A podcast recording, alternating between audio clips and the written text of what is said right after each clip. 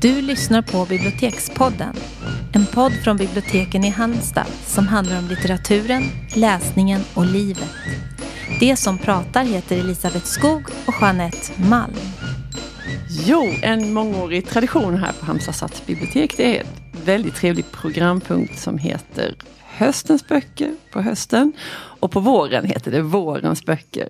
Och det är fem bibliotekarier som tipsar publiken om de bästa böckerna eh, som har kommit den säsongen. Mm. Och då får vi välja, vi som jobbar med skönlitteratur väljer sådana sköna böcker och ni på fackavdelningen, det säger ni Jeanette, men du är ju lite både och. Men i det här fallet så är det fackböcker som gäller för dig. Mm. Och så försöker vi presentera de böckerna så inlevelsefullt och ganska kärnfullt. Och, ja, varför vi gillar dem och väldigt kort vad det är för någon bok. Och, ja. och vi har haft det inför publik när det har varit möjligt, vilket är det allra, allra, allra roligaste. Ja, allt annat är ju ja. inte roligt. Nej, verkligen inte. Och så delar vi in böckerna i olika teman för att det ska vara lite sortering och inte ja. det ska komma helt huller och tycker nog vi är roligare än vad publiken tycker. Ja, vi tycker det är fruktansvärt ja. roligt. Och det blir väldigt krystat ganska ofta för det är svårt att tränga in dem i... Mm. Ja, eftersom vi väljer helt på fri hand. Ja.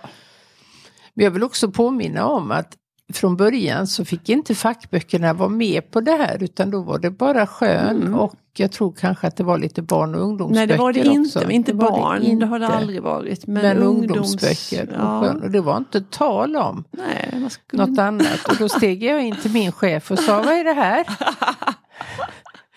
Ska man inte, kommer det inga nya fackböcker? eh, mm, och då faktiskt. Fick vi självklart vara ja. med och är nu sedan många år. Ja. Men jag vill bara ha det sagt. Ja. Att det var så liksom, man jobbar inte eh, läsfrämjande med fackböcker Nej. alls utan de skulle liksom leva sitt eget ja, stillsamma liv. Nu hör jag ljudet av en käpphäst ja, komma det galopp, galopp. Här, ja. ja men det är ju sant. Det är väldigt sant. Ja, men du har ju också, ja, men du har ju också blivit en förgrundsgestalt Jeanette för att sprida facklitteraturen och allt kul man kan mm. göra med den och att man kan läsa cirklar runt den. Ja. Och, lyfta den. Nej, men det är så lätt att se det som att det är bara kursböcker som man läser för att man måste. Ja, men så är det ju exakt. långt ifrån. Ja, alltså, det finns ju hur mycket som helst. Ja, och de är pratbara och njutningsbara. Och ja, allt ibland är jag avundsjuk på, på er mm. romanmänniskor. Men eh, ja. Jag håller mig vid min läst. Du gör det och du håller också fanan högt. Tack. ja, men... Eh, Nog om det då, men då har vi också en nästan lika lång tradition. Det är att vi här i podden brukar berätta om våra böcker. Ja, ja så, så det blir en litet eh, guldkornen ur guldkornen så ja, att säga. Crème de la crème. Mm. Mm. Nu står det här på schemat att jag ska berätta om min första bok nu, så nu gör ja, jag det. Så varsågod Elisabeth. Ja. Tack så mycket. Det är då Den svarta månens år av Ellen Mattsson. I den här romanen så träffar vi David Svarthed och han är citationstecken tjänstledig från sitt jobb mm. på en högskola tror jag det är, eller ett universitet. Det är en, vi säger högskola, det är inte så viktigt. Um, men det här med tjänstledigheten det är för att han har haft en konflikt med en elev. Uh, och det är inte bra. Konflikter med elever Nej. är inget man ska hålla på med. Så han har blivit ombedd att vila sig en termin. Men är det inte väldigt liksom luddiga ordalag vad som har hänt jo. och hur det har gått till? Det, det... Alltså någonstans så läste jag att det står så här i boken att det handlar om de, bråket eller konflikten handlar om ordklassernas eventuella relativitet. Och det ja. är ju luddigt. Det är För mig luddigt. är det luddigt. Ja. Men man får det liksom i små portioner. Ja. Det är inte så här att det här är David Svarthed, han är Nej. han har bråkat, Nej. nu är han ledig. Nej. Och samtidigt så, så, är det ju något problem med honom i relationerna med andra ja. människor, det kan man väl det. lugnt säga. Mm. Eh, sen tycker jag det här namnet David är ju inte slumpvis valt såklart. Att jag tänker på David och Goliat. Ja. Liksom den lilla människans kamp. Men alltså, det är också så att han är ganska nöjd med den här friheten. Det är inte så att han är hemma och deppar och saknar sitt jobb och tänker hur ska Nej. det bli. Nej. Um, han skriver en akademisk text om Iliaden. Ja. Och det, det är också någonting med den att jag tänker han blir aldrig färdig med den för han, han bara, och så ändrar han perspektiv och så Han tänker mycket på att skriva den i alla Ja fall. det gör han också och han kommer på nya infallsvinklar och hur Mm. han kan och det, ingenting är ju för litet för att då eventuellt skulle vara med i den här förmodade texten. Så um, Ja men själva den yttre handlingen som drar igång alltihopa det är när han halkar på en isfläck. Eh, Det är sånt som vi skulle kunna göra här nu i Halmstad i denna Ja. tid. Vi har ju helt Det här är helt galet. Vi måste prata så om vädret. snö. Ja. Vi är ju på riksnyheterna. Ja. Bandvagnar Ja, från ja, militären. Ja, All puss och all tågtrafik Mm. står stilla. ja. Mm. Halvmeter snö kan Ja. man väl nog utan att överdriva säga att det är. Absolut, det är jag har aldrig, ja, det är så otroligt. Jag tar så mycket bilder så hela eh, Ja. kamerarullen är full av... Ja men vi vet ju, vi kanske aldrig mer får uppleva Nej. något sånt här. Nej, det är mycket möjligt. Ja. Och det ligger snö på fönsterna och snö Ja. utanför. Och Riktiga sådana i frostrosor Visst. på fönstren. Ja. Som inte är från sprayburk. Nej, wow. det är så fint. Ehm, och galet och svårt galet. att köra. Och risk Ja. för isfläckshalkningar. Mm. Precis som, nu får vi knyta tillbaka till David här. Ja, det var en loop. Ja det var en loop men det var helt nödvändig. Mm, vi är, jo, ja. Som ni hör lite exalterade. um, jo, ehm, den här isfläcken då. Och det är också lite frågetecken runt den. För var det en olycka eller blev han överfallen?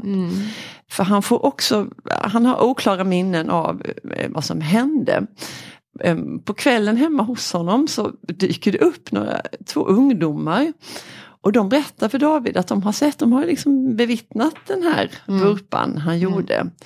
Och det blir liksom, då blir det lite spännande sådär, för det här är ju Ja. ingen spänningsroman alls. Men det blir spännande där i, liksom, ja, men vad är det här och varför kommer de? Och hur har de hittat honom? Det är väldigt, Nej. och hur gamla är de? För han Det är väl- något egendomligt över Mm. dem också. och de deras- benämns också som barn. Ja. Fast man fattar ju att, Men också väldigt långa. ja. Och de har namn som inte stämmer överens med deras ålder. Nej. Var de så långa? Var det inte de här andra? De hade ju sett några långa Jo, människor. men sen säger han att även de, här också- var långa. men, ja. Så det, det är mycket. Mm, frågetecken och Mm. eh, ovisshet präglar ju det här. Och sen Verkligen. får han också för sig att han har tappat en viktig röd bok i det här fallet. Och Det tycker jag är så härligt, den där när han blir så besatt på sitt stillsamma vis ändå Mm. av att han måste få tag i den här röda boken. Mm. Och han, eh, då hamnar han också på biblioteket, och det är ju trevligt. Eh, Ja. Eh, Och han blir bekant med bibliotekschefen på ett ganska otippat sätt. Eh, Och det är ju luddigt och svårt det här med att han inte vet exakt vad det är för någon bok han har tappat men att den är röd och den är lite, det finns en guldtryck på utsidan och sådär. Eh, Men annars generellt då så är det ju det här svårigheterna med andra människor. Han lever ensam och det tycker jag är ganska signifikativt. Det kommer en katt och hälsar på honom Mm. som gärna vill ha ansjovis eller vad det är, någon fisk. Eh, Mm. ja. Sardiner. Sardiner är det, ja, det är Ja. kanske inte starkt för ansjovis med katter, inte vet jag. Men, och katten vill inte bli klappad. Nej, och det där tycker jag det ligger mycket i. um, Och också när han pratar med andra människor så tycker han att samtalet liksom inte tar de vändningarna som han tycker att folk fäster fel, uppmärksamhet vid fel Ja. saker. Och, men svårt med relationerna. Mm. Och i det här fallet så så får han också lite fysiska problem. Bort det här med minnesluckorna men han får också nästan som liksom tinnitus i ögonen för Ja. han ser små fiskar och Ehm, spindlar och den här mm, titel, titelns måne dyker också upp. Och det, han får väldigt svårt med verklighetsuppfattningen helt enkelt. Mm. Jag tycker att den här är en bok som, jag är lite nöjd med det här. Jag tycker att det är Kafka och Murakami i skön förening. Exakt! I en svensk Elisabeth. norrländsk. Ja, Exakt! Nej, men det är det. tack. För jag letar, för det Kafka-artade är så uppenbart. ja, Jag tänker det är något mer, men Ja. det är klart det är Murakami. ja, faktiskt. Så, Absolut. Ja, Minus volymen, för det är en Ja, ganska det tunn här är bok. en ganska tunn och sen är det ju svensk norrländsk kuststad. Ja. Och det är upplöst verklighet som blandas med en väldigt handfast. Man känner sympati för David Men man oroas också lite hur det ska gå för honom. Och man kan också fundera på att det är ganska lätt det här hur ens inre, man tycker att livet är ganska inrutat och tryggt och man har koll och sådär. Mm. Att det där kan gå överstyr ganska lätt. Eh, och så måste vi då nämna Ellen Mattsson för hon har gått lite under min radar Ja. allt för länge. Men nu Ja. är det slut med det. Hon har bara varit ett namn. Ja, och hon blev ju också invald i Svenska Akademin efter, ni vet vad, turbulensen. Ja. Eh, och sitter nu på stol nummer nio. Mm. Ja. Jättehärlig bok. Ja, Den mycket svarta bra. månen så, som jag är väldigt glad att den har kommit i min väg. Mm. Mm. Nu ska vi till eh, konspirationernas konspiration så kan man väl säga. Oh. Eh, Kent Werne är ju vår man Ja. när det handlar om eh, olika typer av konspirationsteorier. Han har också varit med i den här podden och Mm, hade ett väldigt skojigt. trevligt samtal. Ja. Han var så oerhört trevlig. Och vi blev så fascinerade av det här för han har ju verkligen dykt ner i olika typer av konspirationsteorier och infiltrerat sig och, Mm. och liksom försöker förstå. Det är det som jag tycker är, han gör så bra. Att han, han berättar inte att titta, kolla de här foliehattarna, vad korkade de är. Nej. Det är inte alls så han jobbar utan han Nej. försöker faktiskt förstå dem. Mm. Inte så att han erkänner deras eh, galenskap Nej. men han förklarar liksom mekanismerna bakom. Nej, men det är ju jätte, för det hade ju också hade varit så lätt och, och det här foliehattskrattet. Ja. Liksom, kolla och titta här. så tokigt och så Ja. räkna upp en massa Det eh, dummare än det andra. Ja. Det, det hade varit lättköpt. men det- Lättköpta poänger, men så jobbar inte Ken. Nej, det gör han inte. Eh, och den förra boken hette då Allt är en konspiration och där hade Mm. han liksom en översikt över de mest Mm. alltså, galna. Bland annat den här eh, de som trodde att världen styrdes av rymdödlor. Kommer du ihåg det? Ja, Han men hade jag varit tycker på vi en ska... konferens Ja, där. Och han, han, Han hade han- nästlat sig in där. Ja, men han blev ju nästan så att han började Mm. vackla i sin tro när han hade varit på konferensen i några dagar. Alltså så Ja. stark Ja. är ju den här masspsykosen. Ja, men tänk att bara umgås med människor som är Bara. helt förvissade att så här är det. Ja. Men det, vi måste ju säga att det finns ju ett poddavsnitt, han, det är ju vår man vi, men det finns ett, ett poddavsnitt när vi pratar med honom Ja. precis när den där andra boken var Precis. nyutkommen. Ja, Ja, men i den här som heter konspirationsfeber så handlar allting om eh, coronaviruset Mm. som då inte bara är en pandemi utan också en infodemi. Mm. Det är ett eh, begrepp som Världshälsoorganisationen myntade då i samband med det för att den här desinformationen sprids liksom lika, Mm. lika vitt och lika lika- ja. fort som viruset. Och alltså det är ju, finns ju så många olika teorier men det, det är liksom lite olika grenar och den ena är då att det är ju Big Pharma, du vet läkemedelsindustrin Mm. Ja, som de är den. Mm. ondaste av det onda. Att de har skapat viruset för att de ska i- tjäna pengar. för att tjäna pengar Mm. på vaccinet. Ja, Och som belägg för detta har de då en massa att, ja, men hur kan man skapa ett vaccin så snabbt Mm, till exempel. Och, och men varför blir folk sjuka fast de har vaccinerat sig? Mm, det här kan inte stämma. Sen är det ju Bill Gates naturligtvis för han Mm. ligger ju bakom nästan allting som händer i världen. Mm. Och så även eh, coronaviruset. Mm. På något oklara grunder så har han ekonomisk vinning av Ja. det. Oklara grunder för oss, inte för de övertygade. Där, Där är det solklart. väldigt glasklart. Eh, det kan också vara regeringar som skickat ut det som ett Mm. biologiskt eh, vapen för att liksom hålla befolkningen Mm. i schack. Eh, eller 5G-masterna. Just det. De har man ju länge misstänkt. Exakt. Mm. Där är det ju nästan, tror jag, den största gruppen som är Okej. otroligt liksom, skeptiska. Det- Det var de redan innan till 5G men det blir liksom ännu mer förstärkt då i med corona. Åh. Eller att den inte finns. Nej, nej. Det finns ingen pandemi, Nej. den är en gigantisk bluff. Hittepå. Ja, Hittepå. Lyckad bluff får man Jag säga. har två miljoner döda eller hur många det nu är i Mm, världen. ja. Liksom, de har, eh, jag vet De inte, skulle ändå dö. skendött. Mm. Mm. Eh, nej men också det som skiljer, han drar paralleller till olika att det genom historien i samband med sådana här liksom otroligt Mm. allvarliga och världsomspännande händelser så har det alltid skapats eh, konspirationsteorier. Mm. Men skillnaden nu är ju att du använder ju nätet och Ja. når ut på så himla fort och att man liksom hamnar i de här grupperna som hela tiden bekräftar varandra. Du aldrig får ställa en kritisk fråga Mm. Nej. för att då är du en av de andra. Andra. Eh, det, är, det kan framstå jättelöjligt och jättedumt men det är ju ganska allvarligt egentligen. Vi läste ju i lokaltidningen senast häromdagen, Mm.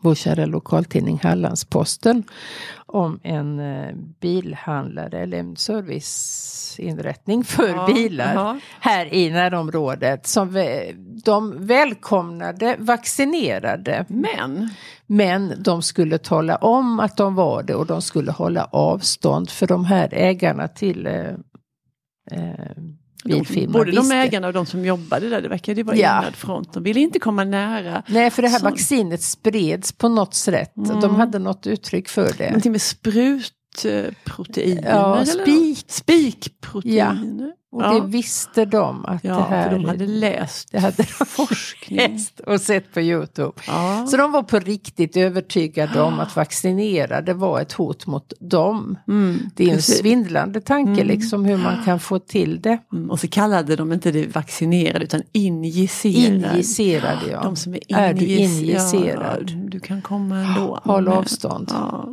Det är upp och nervända världen. ja verkligen.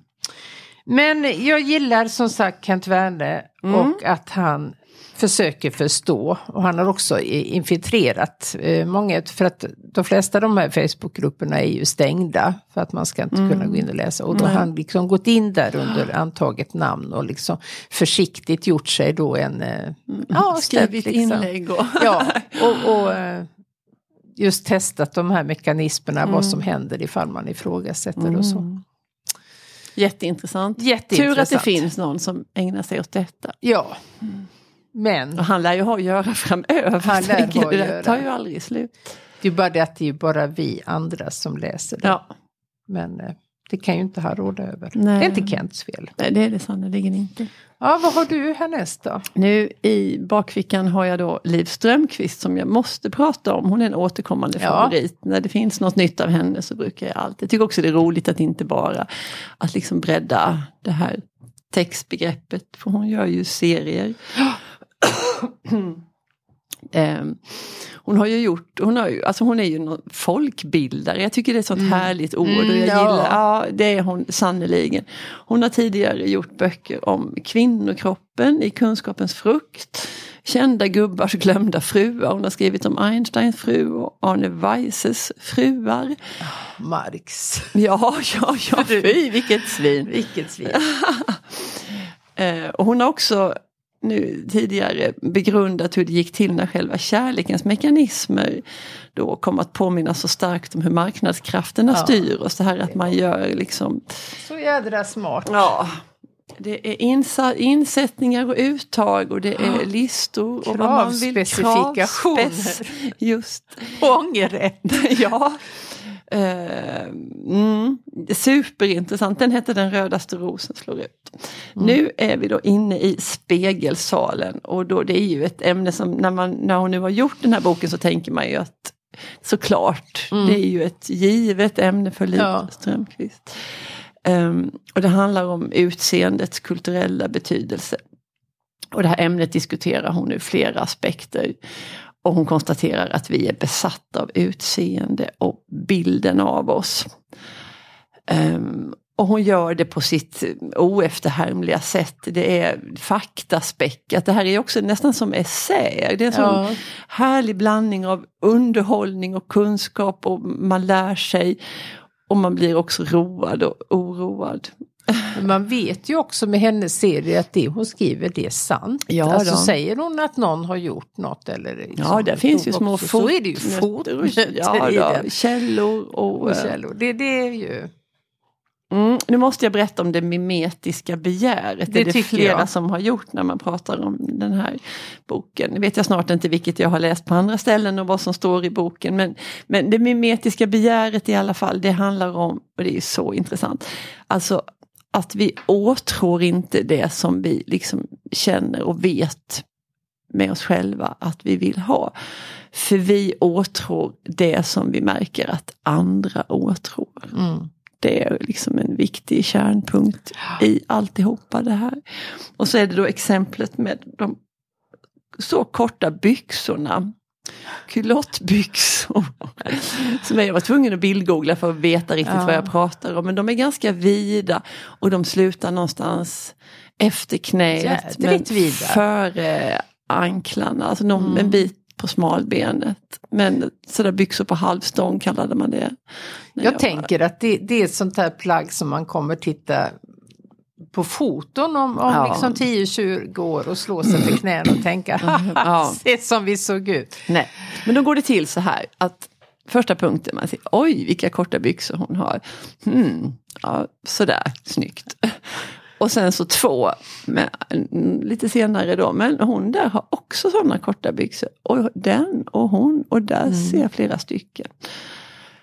Tre, jag vill också ha korta byxor. Eh, och ja, och sen det är ju jätte, det här, jag har alltid velat ha sådana Ja, egentligen. precis. Och de ska komma att uttrycka någonting som är väldigt sant om mig Mm. själv. De ska liksom det här är ju så sjukt. Men, men, men alltså de ska på något vis fullända bilden av mig själv och den jag är och det jag vill liksom att andra ska se. Eh, Jag måste ha dem. måste ha dem. Eh, Berätta om skjortan. Ja, det här med korta byxor, det har liksom av andra skäl då inte varit aktuellt för mig. Men det hände precis likadant. Jag vet att jag skrev till dig Jeanette, Ja. att jag hade, så här, mm, oj vad många tjejer som har såna här flanellskjortor, lite oversize, rutiga. Timmerhuggar- Timmer. Ja, sådana. Oj vad många tjejer som har såna oversize flanellrutiga skjortor. Mm, konstigt. Och sen så bara, ja men det är ju jättefint. Och Mm. jag då, hur snygg skulle inte jag vara i sådan oversize Chanel, flanell, inte Chanel. De kanske också gjorde sådana. Nej, och gick genom stan en dag och eh, bara hängde väl där på en stång. Jättesnygg! eh, lite mm, mullvadrosa, rutig, stor som tusan. Alltså för den var fin på riktigt. Ja, Det var den. ja visst, och jag, den uttrycker ju vem jag är. Ja. Men du, var detta före eller efter du hade rätt om det mimetiska begäret? Nej, det var före. ja. Ja. Men det fick... Mm. Men, och, ja, Det eller bevisade eller ju det liksom, sammanföll. För jag vet Ja. att jag tänkte liksom precis de här stegen, liksom, att jag Mm. hade noterat, bara, hmm, jaha, oj då, så konstigt, det ser lite konstigt ut. Men oj vad fint det är och jag vill ha en sån. Det gick väldigt snabbt faktiskt. Och sen går det ju också att när tillräckligt många har det Mm. och insett att de måste ha det, då är Ja, det ju helt då det passé. Då har passé. ju de här första gått vidare till något annat. ja. Så det är, slut, det är ju ett slutet system som aldrig liksom upphör. Nej, och detta, vilka tjänar på detta? Ja. Ja, fråga. Retorisk fråga. Mycket retorisk fråga. Ja. Ja, nej men vi är ju besatta av det här hur vi ser ut och, och alla de här, alltså, hon, hon drar också tillbaka till alltså, gammaltestamentlig tid när Rakel och Lea till exempel Lea var inte så snygg. Det står att hon var klenögd. Det var väldigt, Okej. inte så fina ögon. Eh, och Rakel var supersnygg. Och, alltså, detta, man konstaterade sånt redan Ja. för länge sedan. Men ingen av dem hade Instagram i alla Nej. fall. Det är ett som är säkert. Det är ett som är säkert. Men alltså, just den här otroligt bildmässiga tiden Mm. som, som vi lever i. Som faktiskt gör att det är, vi är ju skyddslösa mm, på många sätt. Ja. Vi exponeras ju Men hon har, hela hon har ingen kristallkula vad som händer liksom efter det här. Nej. Någon gång måste vi ju tröttna på det och inse att det är ganska tomt. Ja, samtidigt så är de andra krafterna så fruktansvärt Mm. starka. Att det här, också de här olika kropp, alltså ingen kroppsdel är ju för perifer eller för avlägsen Nej. eller för, Nej. för att exponera. Nu är det mycket rövar som hon skriver, Ja. röven ska. och man kan lyfta röven och man kan förstora röven och det finns också särskilda kläder då som, Mm. som gör att att den Tänker ska... på äh, fotomodeller, i alla fall förr när de var sådana superstjärnor. Det vet inte jag om fotomodeller är längre. Inte så så att man vet namnen, men du vet de här, alla de här kända. Ja, men jag tror att det, det är nog det är nog supersnygga influencers. De kanske inte, de de är kanske modeller också. Detta är verkligen inte min värld. Nej. Men hon skriver ju om flera sådana. Jag Nej, men tänk inte- 80-90-talet, då Ja. var det ju ett antal sådana Mm. liksom supermodeller. Och då vet jag, då fick de ofta frågan sådär var de liksom om det var någonting de var missnöjda med i sitt Mm. utseende. Då svarade alltid, ja jag har så fula fötter. Mm. Tänkte jag, det kan du ha. Ja, jobbigt. Fula, det kan man leva med, ha fula Ja, fötter. ja, ja, men det kanske det inte kanske man inte kan längre. så länge till. Nej, inte alls säker på det. Men, men eh, hon skriver också om, hon, i andra böcker så jag känner igen namnet, den här Sigmund Bauman som är en polsk sociolog. Och hon Ja, ja. refererar till Susanne Sontag. Och, eh, men det är en jätte, jätte, alltså för jag sa det där att man blir både road och oroad. Men på, alltså någonting kan man också tänka att men vad fan är detta? Och, Ja. och ehm, känna sig lite friare i vissa, Mm. kanske inte måste Nästa huvudstupa. gång det mimetiska begäret slår till så kanske du kan. Ja, kanske jag går förbi. Ja. Ja. Eh, ja, eller så gör jag inte, inte vet jag, men det är ju någonting med att liksom se det och vara medveten om det. Mm. Sen vill man ändå hålla på så väljer man ju det, men att inte bara vara ett Nej, Som du ett behöver inte vara ett offer för Nej, marknadskrafterna Nej, i det är alla ett fall. rö för vinden fullständigt. Nej. Kan- Nej, vi älskar Liv Strömquist. Ja, det är det inte gör för vi. starkt. Ja, verkligen. Ja, super. Hon blev ju också eh, hedersdoktor vid något universitet Oj. för några år sedan. Ja, jag Wow. tror det var i höjd med den förra boken. Eller för, för. Ja, det ska hon bara vara. Kunde inte hon få en stol i akademin? Ja, det kunde hon ha fått. tycker jag. Ja, det är inte för sent. Nej, Ja, nu går vi eh, till bibliotekarien i Magdeburg. ja, Gunnar Bolin, den Mm. kända radiorösten som har funnits alltid i radion. Har han inte det? Jo. Och han är förknippad med Mm. kultur och med sport och med liksom politik. Han har varit, tillbringat väldigt mycket tid som utrikeskorrespondent i Mm. olika länder. Och jag tyckte, när jag hör Gunnar Bolin så vet jag att nej, men det här, nu kommer någon som liksom leder mig Ja. in i det här ämnet. Tillförlitligt, trevlig radioröst. Trevlig radio, Ja. och så trygg och han... ja, nej men jag kan inte nog... Eh, och Och också varit gäst i podden. podden. Ja. Eh, då var det med anledning av hans förra bok som heter Hovjuvelerarens barn som handlar om hans otroligt fantastiska Mm. släkthistoria. Jätteintressant. Och det är mellan Europa och det är kultur och det är Ja, det är- umbäranden och pengar om vartannat. Ja, och det är tsarer och det är Ja. ja. rikdom, rikedom och fattigdom. Ja. Och eh, snabba kast och upp och ner. Ja, Och, och ju- hovjuvelerare. Och, Ja. ja. Men nu har han nog kommit ut med den här boken som heter Bibliotekarien i Magdeburg och det är en eh, sammanställning av radiominnen helt enkelt. Och från, han börjar väldigt blygsamt från när han växte upp, liksom i början medelklass i Bromma i Stockholm. Där man då hade en ganska utstakad väg som kanske ekonom eller, alltså du vet, Mm. en, en trygg akademisk bana. Men eh, Gunnar läste som 17-18-åring Ulf Lundells Jack när den kom. Mm. Och liksom drabbades, du vet sådär Mm. som man kan göra och som man har hört andra Ja, gjort. Att nej men jag vill leva mitt liv som jag vill, jag Mm. måste få välja själv. Och då visste han att han ville ut i världen och han ville rapportera. Så han sökte till Sveriges Radios reporterutbildning kanske det inte heter, men någon Mm. Något sån där. ish. Och kom in och han får det att framstå som att det är oj då, där seglade jag bara in på en räkmacka och sen fick jag åka till Tyskland. Mm. Att han bara och sen hade fick jag tur. Göra att han hade tur. Ja. Men så är det ju Nej, inte för han har ju visat hela tiden att han har, han har det där eh, ganska sällsynta nu för tiden. Bildning, Mm. en väldigt bred och djup bildning som genomsyrar alla hans reportage. Mm. För även om det handlar om sport eller politik så, så kan han ha förmåga att se liksom linjerna både Mm. bakåt och framåt. Ehm, och denna lilla pärla till bok eh, består av en massa sådana minnen. Mm. Och han pratar med den här bibliotekarien i Magdeburg som tidigare verkade under DDR-tiden och det fanns nästan inga böcker på biblioteket för det var ju stark censur. Mm. Däremot lånades det enormt mycket och biblioteket var hela tiden fullt med folk och liksom det blomstrade. Men eh, de flesta böckerna kom ju inte liksom ut på hyllorna ens utan de fick Nej. stå undangömda. Sen revs muren och allt förändrades så man fick eh, köpa vad man ville och läsa vad man ville. Ja. Och då skulle man ju kunna tro att bibliotekarien var själaglad. ja. Och det var han på ett plan, men det som hände var att folk fick så mycket annat att göra. Mm. Så de hade inte lika mycket tid att läsa eller besöka bibblan. Så siffrorna gick ner väldigt dramatiskt. Så jag tycker det är sorgligt. ja. När man äntligen får tillgång till det så vill man inte ha det. Nej. Deppigt. Lite deppigt. Eh, men ja, eh, är man intresserad av radiohistoria och hans väldigt personliga vinkling på det Ja, det låter som en väldigt trevlig form också. De här Ja. liksom olika nedslag. i- Väldigt många nedslag. Ja. Tycker det skulle vara en bra julklappsbok Ja. faktiskt till nästan vem som helst. Ja, Ja, tips. Mm, men då krokar jag i där och säger att om ni vill ha ett julklappstips till så är det absolut den jag nu nämner och det är novellsamlingen Hunter i Huskvarna.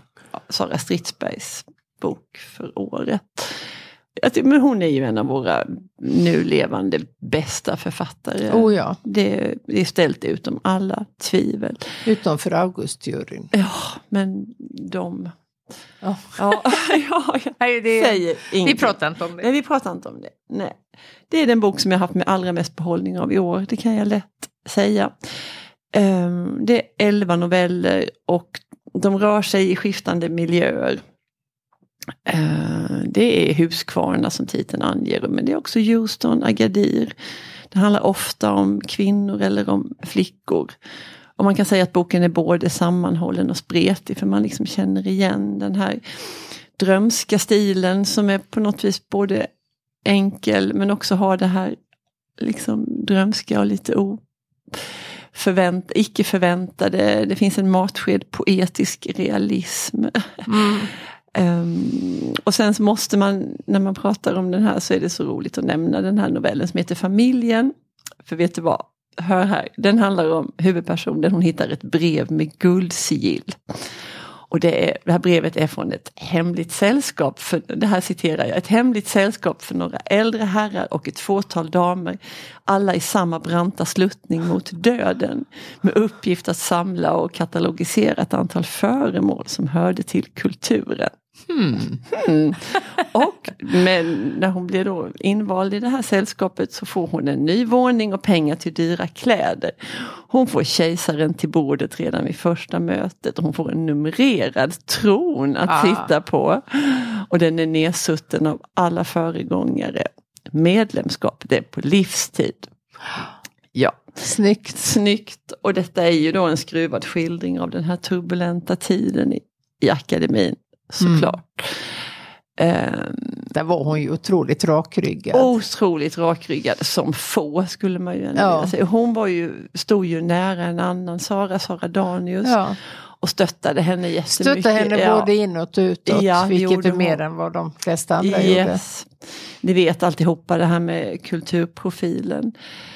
Eh, Stridsberg valdes in i akademin 2016 och bestämde sig för att lämna då 2018 detta annus horribilis som det ju verkligen var för sagda akademi. Och det är ju det är lite dubbelt där för man respekterar att hon gjorde det. Ja, och samtidigt så hade man- Saknar att hon Ja. inte finns Ja. där. För hon hade behövts. Ja, så mycket. Men samtidigt så var ja, det var väl nödvändigt för henne att, Ja. att gå helt enkelt. Det finns en annan personlig favorit, en novell som heter Valarna som handlar om en ung flicka och hennes mamma och mormor. Och det är så suggestivt och fint och det osar ruttnande valkött och där finns en snäll taxichaufför. Och det handlar om alkoholism och en pappa som vill sin dotter så väl. Eh, den är fantastisk. Eh, man ser alltihopa framför sig. Man är, oroar sig på fel ställen och det är så härligt. Eh, Man går i fällan man alltså. går lite i fällan och Mm. man, eh, vill ju bara aldrig att detta ska ta slut. Hon blinkar också till Janet Frame som jag har återupptäckt i höst. En nyzeeländsk författare. Mm. Um, som, ja, hon är ju värd ett helt poddavsnitt i sig, det kan vi ta en annan gång. Mm. Um, det känns också som att de är lite besläktade med varandra. Det finns en novell som heter Vi var rovdjur som utspelar sig i en bil, en pappa och en flicka och det dyker upp en okänd syster. Den miljön känner man igen ifrån, ifrån Darling River som är en mm. annan favoritbok av Sara Stridsberg. Ja och sen titelnovellen är en tillbakablickande berättelse om jag-personens uppväxt i Huskvarna. Jag var tvungen att kolla, det, hon, Stridsberg bodde några år där under sin uppväxt. Det kan vara kul att veta men det behöver man inte dra några stora växlar på. En, ehm, en jättefin, det finns också fantastiska citat om det här med att vara ung och att man tror att allting ska bli bättre sen, att det ska, man ska ha, känna starkare känslor och det ska bli liksom mer fullödigt sen. Men det är kanske inte så, det kanske är när man är riktigt ung som allting är liksom mm. för första gången och så ja. starkt som det inte blir sen. Jag tycker det är så ja. eh, tänkvärt och välfunnet. Eh, det är den här vänskapen med Hunter som som hon skildrar. Jätterolig, hennes föräldrar är kontorsråttor står det och det kommer hon också bli. Och så, det här är också en väldigt fri religiös miljö, ni vet Jönköping och Huskvarna. Mm, alltså ja, alla ja, tillhör ju, ju någon, någon eh, frikyrka. Ja. Och så skriver hon så här att eh, alla kallade mina föräldrar för ateisterna. Det lät nästan som en popgrupp. Okej. Okay. så roligt. Ja. Ateisterna. Ja. Eh, ja, jätte, jättehärlig bok. Eh, jag drog ut på den så att den har tagit mig hela hösten att läsa för jag vill, låt det aldrig ta slut, tänkte mm. jag när jag läste den. Wow. Eh, ja, härlig. Också med noveller, läs en i stöten även om man vill liksom ja. sluka så gör inte det. Det är ju en, en viktig uppmaning. Ja, faktiskt. det är det. Ja. Mm. För det, man, det gagnar ingen om man bara liksom läser på, slutar med en novell och Nej, men det blir bara gröt. De får vila och sen ja. får man ta nästa. Ja. Sista, Sista boken, boken, är en finsk författare som är tidigare okänd för mig. Mm. Hon heter Mia Kankimäki. Och boken heter Kvinnor jag tänker på om natten. Och det är en blandning av självbiografi och biografi över ett antal historiskt bortglömda kvinnor. Mm. Och den börjar med att Mia då skriver i, om sig själv i jag-form. Hon heter Mia och mm. hon delar liksom alla yttre eh, förutsättningar med författaren. Så man får helt enkelt utgå ifrån att det är hon själv. Ja. Det är inget eh, hade det varit en roman så hade det ju kunnat varit ett grepp men det ja. är det inte i det här fallet. Nej. Utan det här handlar om Mia Kankimäki. Mm. Jag tycker titeln är så underbar. Den här ja det är den. Det är så, det, jag tror det var den som gjorde först att jag blev ja, nyfiken. Ja. Sen läste jag en massa receptioner också där mm. den hyllades. Så att det var en kombination. Men titeln är väl ganska viktig mm. ofta. Eh, Mia är drygt 40. Hon är singel och hon är barnlös och det är helt okej okay för henne. Men hon upptäcker att liksom alla andra i hennes omgivning, eh, de, har, de är inte där hon är i livet utan de är fullt, fullt upptagna av sina livspussel som man säger. Och det är barn och det är amorteringar och det är karriärer. Eh, så hon känner liksom att hon har ingen att identifiera sig med Nej. eller solidarisera sig med. Utan så känner sig väldigt ensam mm. så hon börjar tänka vem är, vem är som jag? Mm. För hon vill inte in i det här liksom, familjelivet med allt vad det innebär. Det är inte att hon saknar det. Eh, och då börjar hon tänka på sina nattkvinnor som mm. hon säger. Hon börjar forska och leta rätt på kvinnor som genom historien har liksom levt utanför ramarna. Idag är det ju bara ett val du gör, det är ju liksom världens enklaste. Mm. Man behöver inte göra någonting som man inte vill. Nej. Men eh, de här kvinnorna som hon letar upp, de, det är ju från alltså 1400-talet Florens till liksom 1800-talets Afrika. Eh, boken är indelad i tre delar ska jag säga att eh, den första delen handlar om Afrika och i första hand Karin Blixen. Mm. eh, hur hon levde där och hon eh, eh, läser hennes brev. Som ger en annan bild än den man har sett av Karin Blixen. För, för mig har hon bara varit den här urstarka liksom, kvinnan och storviltjägaren. Och Snygg. snygg och liksom societeten och liksom levt ascoolt i, i Afrika. Ja. Men genom breven förstår man ju att det var ju superbesvärligt. Jävla Hon hade ju syfilis som hon fick väldigt tidigt av sin man. Ja, hon hade jättemånga olika tropiska sjukdomar. Mm. Eh, Kaffefarmen eh, var belägen på ett ställe där det faktiskt inte gick att att odla kaffe. Eh, svår misär tills hon då flyttade hem till Danmark igen motvilligt för hon Mm, älskade verkligen Afrika. Och det som också hedrar henne väldigt mycket att hon redan då eh, behandlade liksom de infödda väldigt respektfullt Mm. och hon eh, hade inte alls den här liksom eh, kolonialsynen på Nej. dem utan eh, hon förstod att da- deras sätt att leva var liksom egentligen mer i enlighet med naturen än hennes Mm. eget. Ja, det var ju inte så självklart att få syn på det. man Verkligen liksom inte, för man behandlar ju Afrika som det var ju bara ett ställe där man skulle liksom suga ut Ja. så mycket som Ja. möjligt och man skulle jaga och man skulle liksom Ja, ta hand om oss. det, och Kunde man, hade rätt att göra man hade det. rätt att göra det men det tyckte inte hon och det, det tycker jag var väldigt uppfriskande att läsa. Eh, sen är det en del där det handlar om kvinnliga upptäcktsresande som reste under en tid när världen Ja. liksom inte fanns. Nej. Det var så mycket som inte var utforskat. Kvinnor var, eh, ägdes av eh, antingen sin man och var man inte gift så var det en bror eller en far. Man fick inte göra någonting. Men det brydde sig de här kvinnorna inte om. Utan på olika sätt så tog de sig Mm. ut. Alltså det var helt, det är så fascinerande att läsa om. En kvinna som eh, reste till Lhasa i Tibet. Mm. Under enorma umbäranden. Alltså hon höll på att svälta ihjäl och det var, ju, det var ju med fara för sitt liv. Ja. För skulle någon upptäcka att hon var en vit kvinna så skulle de döda henne och så vidare. Fan, ja, men tänk den drivkraften. Tänk det den Ja, man drivkraften. tycker bara, alltså jobbigt att Helt tåget sjukt. Nu kan, ja exakt. Ja, Eh, nej men de bara gjorde det för de kunde inget annat. Mm. Nej, Där nej, det är också det är väldigt mycket med breven så hon har ju liksom urkunder som visar Mm. hur det verkligen var. Eh, sen tredje delen handlar om kvinnliga konstnärer och den är, ja, den är också helt fantastisk. Då Mm. är det 1400-tal och Florens och alla liksom det här blomstrande Ja. barock och eh, renässanstiden med stora målare. Men där det också fanns kvinnliga som idag, eller idag börjar de kanske återupptäckas Mm. men under många, många år liksom inte varit representerade. Det är ju som när vi pratade om när vi hade den här konstcirkeln att det enda Mm. sättet för en kvinna för att ko- komma in på Metropolitan det var som motiv. ja just Det det. fanns inga, det är över 80 procent tror jag, manliga konstnärer. Mm. Och eh, det här stora Uffizierna i Florens var det alltså 100 procent. Det fanns inga kvinnliga. Nej.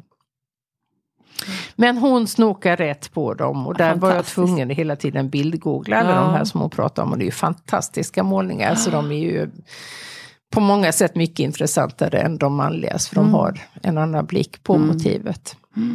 Så jag, ja, som ni fattar så är jag Ja, väldigt eh, upptagen av den här boken. Är hon, har hon lite sömnproblem författaren? Jag tänker på det här med kvinnor, jag tänker på om natten. För det, Ja, det är liksom att, det har hon. Ja. Hon har ekonomiska problem och just det här att hon inte vet vad hon ska göra. Hon, när hon nej. väl har börjat med boken så blir ju den ett Mm. problem för att hon vet liksom inte hur hon ska disponera och hon ska sluta. Det kan bli och det lite skriver hon tjatigt också om. ibland. för Ja, det står, ja. lite väl mycket kan jag tycka ibland. Att, för det har ju ändå blivit en bok. Ja, Men man förstår att. Ja.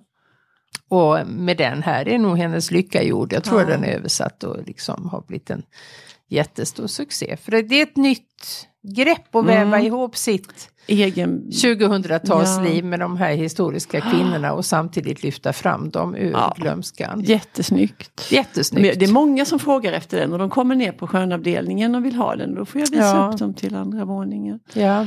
Så den, den sprids ju. ja, det är roligt. Mm.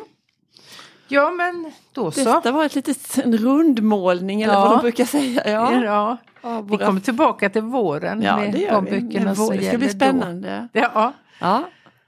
Men idag så stänger vi. det gör vi. Mm, Hej då.